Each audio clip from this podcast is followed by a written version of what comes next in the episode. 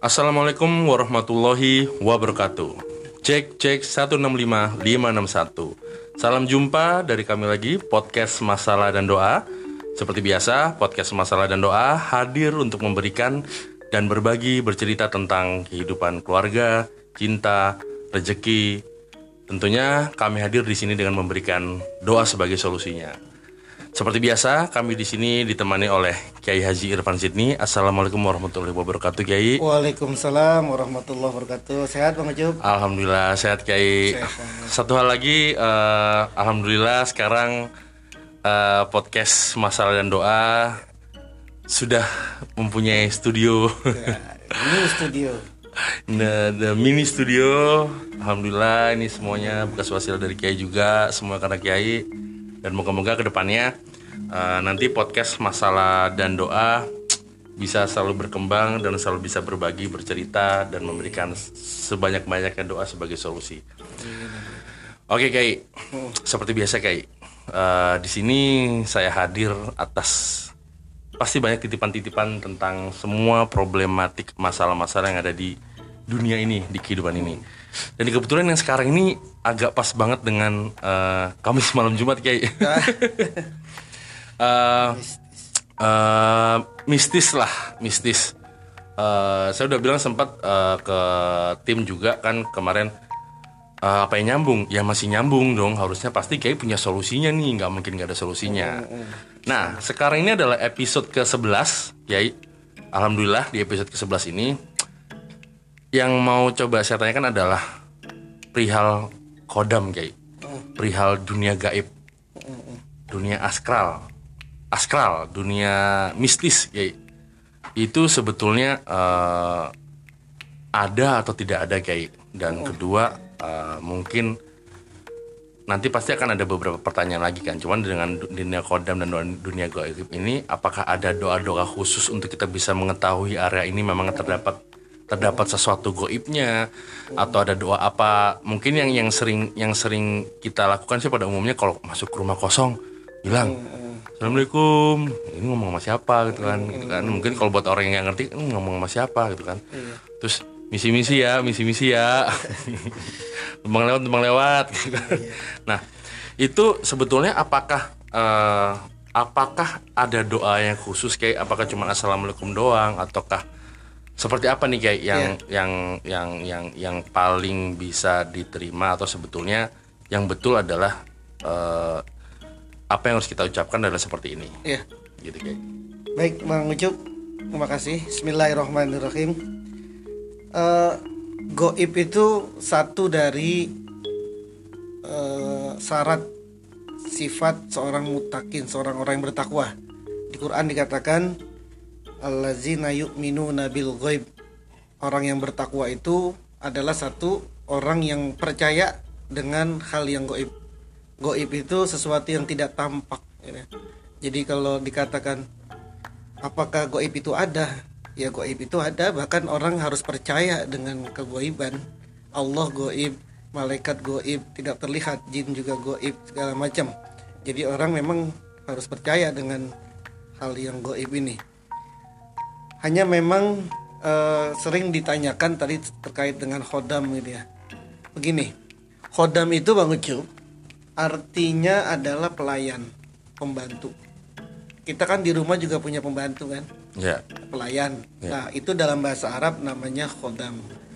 Namanya juga pelayan, pembantu, maka dia tugasnya adalah membantu dan melayani. Nah khodam ini yang pembantu ini ada dua jenisnya. Yang pertama ada khodam yang dia secara sukarela membantu seseorang. Sukarela tidak pakai dibayar, tidak pakai disuruh. Pokoknya dia pengen berkhidmat, dia pengen melayani. Lumayan. gitu pengen melayani seseorang maka kemudian dia dengan sukarela. Tanpa digaji tanpa diberikan upah gitu ya sukarela.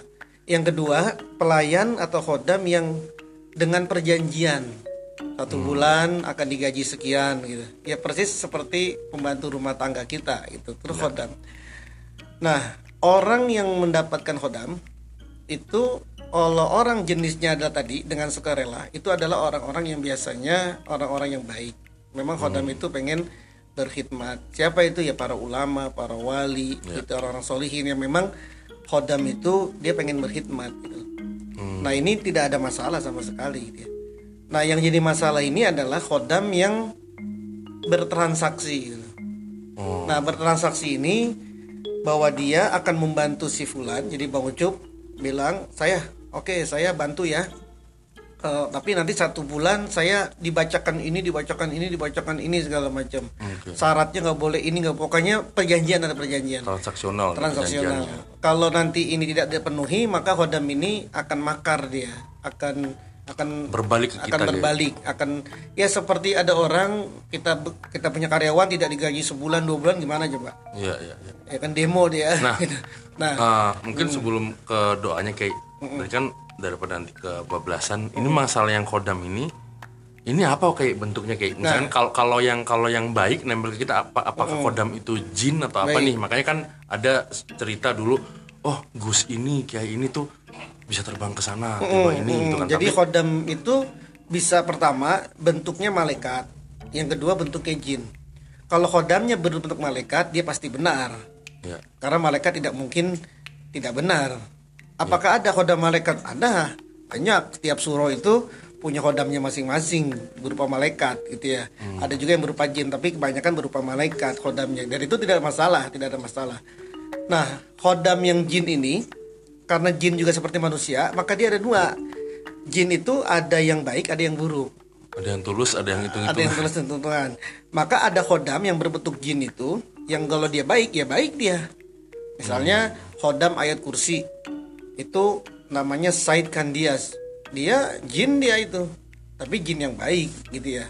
yang di dalam ayat kursi kayak Iya, ayat kursi itu Ada punya- itu, Kiai? Ada. Saya udah di punya pelajaran agama nggak ada kayak saya udah punya satu risalah yang yang nulis tentang uh, hodam-hodam ayat-ayat itu apa aja gitu dari surah-surah itu apa aja. Saya saya ada itu. Nah hodam yang berbentuk jin yang non muslim atau muslim tapi yang dia dia maksiat ini juga banyak dan ini sering mengganggu gitu untuk ya. apa tiga contohnya? Ya misalnya eh, dia itu bisa menyerupai gini ya cerita. Saya diceritain sama guru saya Ki Zubaidi Musli itu ada orang yang punya khodam kemudian suatu malam khodam itu menyerupai dirinya dia lalu kemudian bersetubuh sama istrinya. Dan dia tahu itu ketika suami aslinya pengen bersetubuh lagi kata istrinya lah kan tadi udah bang padahal belum. Itu padahal kurang ajar banget. Nah, khodam-khodam ini yang yang yang bermasalah saat ini adalah khodam yang berupa jin, yang itu jinnya jin yang non muslim atau jin muslim yang tidak taat, yang memang maksiat, yang memang itu nanti dia mintanya macam-macam, minta darah, minta apa segala ya, macam. itu yang biasa dibawa sama klinik-klinik gitu kayak Nah, ya itu itu khodam. Apa sih ukurannya? Ukurannya gampang saja. Yang pertama, bacaannya apa? oh yang diambil tuh apa dari Amaliyahnya, Quran yang amaliyahnya itu apa yang kedua orang yang membacanya ini orang syariat apa bukan orang yang beribadah atau tidak kalau kemudian dia tidak ahli ibadah dia tidak beribadah tapi kemudian dia mem- mempunyai khodam yang bisa disuruh-suruh sudah dipastikan itu khodamnya adalah bukan khodam jin yang baik. Kenapa? Masa iya jin yang baik apalagi malaikat bisa disuruh-suruh? Emang ente siapa nyuruh-nyuruh dia? Gitu ya. Ya kayak ada orang ada orang misal kita Ya, nih ya, ya. tiba-tiba eh lu bantuin rumah rumah gua. Lu siapa nyuruh-nyuruh nyuruh-nyuruh gua bantuin rumah gitu. Emang lu Ya, siapa? Emang lu presiden bukan, wakil presiden bukan, lu wali bukan, siapa gitu kan. Iya, iya, iya. Jadi kalau dia ahli ibadah, kalau dia misal ahli ibadah kemudian dia memang apa namanya besar apa amaliyahnya ini baik, yaitu khodamnya bisa khodam malaikat dan khodam jin yang baik dan itu saya pikir menurut saya sih tidak masalah gitu ya. Mungkin kalau untuk masalah yang Hodam sendiri kan, wah ini contoh baiknya seperti apa, tidak baiknya seperti apa. Kayak ini akan ada satu sesi sendiri kayak. Ya, pokoknya intinya Nah. Khodam itu baik apa tidak lihat saja sudah. Lihat saja orang ini dari mana bacaannya amaliyahnya. Oh, oh ini cerita kita diberikan seseorang gitu. Iya, kita Misalkan, lihat, dia misalkan saya pedagang kayak, saya pedagang nih. Pedagang terus ditawarin ini buat rezeki apa segala macam dikasih. Oh, itu amaliyah Oh, oh, Bang beda. bukan. Oh. Khodam itu langsung misalnya, Otomatis ngikut. Misalnya gini, tolong eh, kirim ini kepada si Anu. Udah nanti dia yang bekerja tuh gitu loh. Terus silakan Pak Itu coba ber- berarti ada perantara kayak ada ada, perantara ada yang dukunnya lah atau Kayak- siapanya kayak kita lah. misalnya kita punya pembantu kita Ya. punya pembantu mau beli rokok Ya. nah tolong beliin rokok katanya di sini dia yang pergi gitu Nanti dia udah datang beliin rokok Itu kita. salah namanya tuh kodam kayak gitu tuh. Bener, Oh, bener bener. itu. Tapi tadi saya bilang kodam itu ada yang baik, ada yang tidak baik. Hmm. Tinggal terlihat pertama orangnya kayak apa, orangnya soleh apa tidak gitu. Hmm. Yang kedua amaliyahnya kayak apa. Kalau itu orangnya ahli sol soleh, ahli syariat, kemudian amaliyahnya di Quran maupun asmaul husna sudah dipastikan itu kodam baik. Nah, apa itu Gitu. kayak asmaul husnanya atau surah-surah fadilahnya itu untuk banyak, mengetahui itu? banyak. Tapi mungkin nanti sesi ini Oke. eh, belum cukup ya. Ya, Atau tapi begini, tadi kan tadi ada permintaan tentang bagaimana ada tempat-tempat tertentu Ya, yang yang paling eh, bisa mudah dibaca kalau ke tempat-tempat tertentu Baik. mungkin kita kan namanya luar kota ya atau mungkin penginapan. terkait dengan hal yang goib gitu ya kan Betul, dia ada di mana saja. iya. Jadi gini, ada beberapa amalia karena kita fokus di Quran dan Asmaul Husna. Ya. Ada beberapa amalia kalau kita berada di tempat yang tidak yang penuh dengan tempat baru lah, tempat baru dan yang tempat kayaknya penghuni-penghuni. ya penghuni Dari- tapi kita mau nggak mau terpaksa bawa anak Betul, keluarga betul. harus tidur di situ. Nah, itu dikatakan gini. Eh, suratul Baqarah, surah Al-Baqarah itu, wallahi demi Allah makuri asyai'un minha fi baitin fihi syaiton illa kharaja lahu. Wa illa kharaja wa lahu ajijun ka ajijil himar. Tidak ada satu rumah, satu tempat yang kemudian dia dibacakan sekelumit saja dari surah Al-Baqarah. Full, syukur full dari Al-Baqarah itu, full dari alif lam mim sampai terakhir itu full. Kemudian kita bacakan di tempat satu tempat eh, rumah atau apa pun gitu ya yang di dalamnya ada setan ada jin yang buruk-buruk itu maka setan itu jin itu keluar sambil menjerit seperti menjeritnya himar keledai jadi kalau punya rumah baru eh, atau menempati tempat baru ya gitu Hmm. Baca ya, surat Al-Baqarah baca surat full. Al-Baqarah full Itu kepanjangan kayak ada yang lebih ini lagi kayak Ya. dari Asmaul Husna. Eh, ada lagi sebenarnya yang yang yang dari surah ya dari surah ya bang ya dari Ya, surah dari surah. misalnya Eh, itu al-baqarah saya jelasin dulu al-baqarah itu dia bisa satu sendiri dia baca bisa juga bersama-sama gitu ya. Hmm.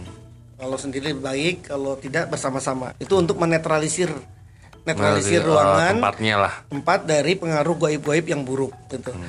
Ada lagi mankoro as-sofat. Oh, barang siapa yang membaca surah as-sofat, surah as-sofat, taba ada anu syaiton, maka setan akan menjauh. Jadi bisa al-baqarah kalau kepanjangan, kalau lebih kalau lebih lebih ringkas as-sofat. Nah, as-sofat ini kalau dia ditulis, surah as-sofat ini ditulis, kemudian dia ditaruh di satu peti, di satu kotak, maka kemudian semua jin yang Berkumpul di buruk-buruk situ. yang buruk-buruk situ yang berkumpul di situ yang buruk-buruk akan hilang akan tidak ada Hmm. Kita Steril. ta- kita Steril. tulis taruh satu Ah, ah, peti atau kotak kita taruh di rumah gitu gitu. loh. jadi misalkan tuh kawan-kawan ada masalah wah rumah saya kok kayaknya ada makhluk-makhluk gitu ya kan ada ya Ada anak nangis mulu. Iya atau nangis mulu. gitu. Nah itu salah satu pakai surah al-baqarah bacain. Kalau memang kepanjangan atau surah as-sofat. As-Saffat ditulis. Ditulis, masukin ke kotak, Hmm, kemudian taruh saja di bandar rumahnya. Nah itu sudah steril itu. Itu disinfektannya. Disinfektannya buat kok Goib, iya. kasihan Bang Boncu kok kayak. nah kalau asmaul husnanya itu dikatakan gini. Eh fakul ya mukmin kulla yaumin katakanlah setiap hari itu ya mukmin ya mukmin. mukmin ya asmaul Allah mukminu Ya zat yang memberikan keamanan mukmin itu bacanya 136 itu dibaca untuk menolak tempat atau satu wilayah yang di dalamnya ada pengaruh jin Oke. banyak sebenarnya bang Ujub eh, Ya. amalianya tapi saya pikir karena kita konsentrasi di Quran maupun Asmaul Husna dan waktu kita terbatas jadi segitu Ya. saya pikir eh, untuk menetralisir jadi Tempat baru kita menginap di mana atau kita sedang hiking atau ke mana gitu Betul, kayak ya. Nah, Oke. memang Nata Khodam itu ada ada ada sesi sendiri nanti yang kita bisa dalam ya. Baik, Kiai. Oke, Kiai. Eh, dan semuanya juga eh, teman-teman para cagers bagers. Kita nyebutnya buat eh, pendengar podcast masalah dan doa itu nyebutnya adalah cagers bagers. buat para cagers bagers ini tadi udah disimpulkan oleh Kiai. Sebetulnya untuk masalah kodam dan gaib sangat luas Kiai ya. Kita juga punya sesi khusus nanti sama pakarnya, masih sahabat Kiai juga, namanya Bang Ahmad Basari atau bisa dipanggil Buncu. Nah, khusus ini Kiai memberikan yang paling mudah dulu pada saat kita memasuki area ruangan yang memang area baru, eh, mungkin kita menginap di mana atau mungkin rumah baru. Untuk mengusir semuanya ada tiga hal kayak ya. Ada juga ada yang surat al-baqarah dibaca secara full dari alif lam sampai dengan habis yang termudah lagi ada asofat ditu- dibaca atau ditulis ditaruh di suatu tempat itu akan menetralisir sebagai disinfektan para goib-goibnya dan yang ketiga yang paling mudah lagi cukup baca ya mukmin selama 136 kali. Itu selama hidup di situ atau Ya, pada saat datang? secukupnya lah, Secukupnya. secukupnya. Kita baca ya mukmin itu adalah Asmaul Husna sebanyak 136 kali. 132 eh 136 136 kali. Oke, itu tadi eh, salah satu solusi pada saat kita mendatangi tempat yang memang gaib atau mungkin eh, dirasa penuh dengan segala hal keanehan. Nah, buat teman-teman para cagers bagers pencinta podcast masalah dan doa, untuk lebih detailnya lagi, nanti teman-teman mau tahu detailnya tentang eh, surah-surah ini bisa langsung cek ke www.falakruhani.com ya bisa cek ke website www.falakruhani.com atau bisa langsung by WA chat udah ada linknya WA chat langsung direct ke 0811 889 308 oke? Semoga bermanfaat eh, apa yang sudah diberikan oleh eh, Kiai perihal surah Fadilah ataupun juga Asmaul Husna. Terima kasih banyak Kiai Sama-sama, untuk kesempatan di episode 11 ini Buat semuanya, terima kasih teman-teman. Sampai jumpa lagi. Wassalamualaikum warahmatullahi wabarakatuh. Waalaikumsalam warahmatullahi wabarakatuh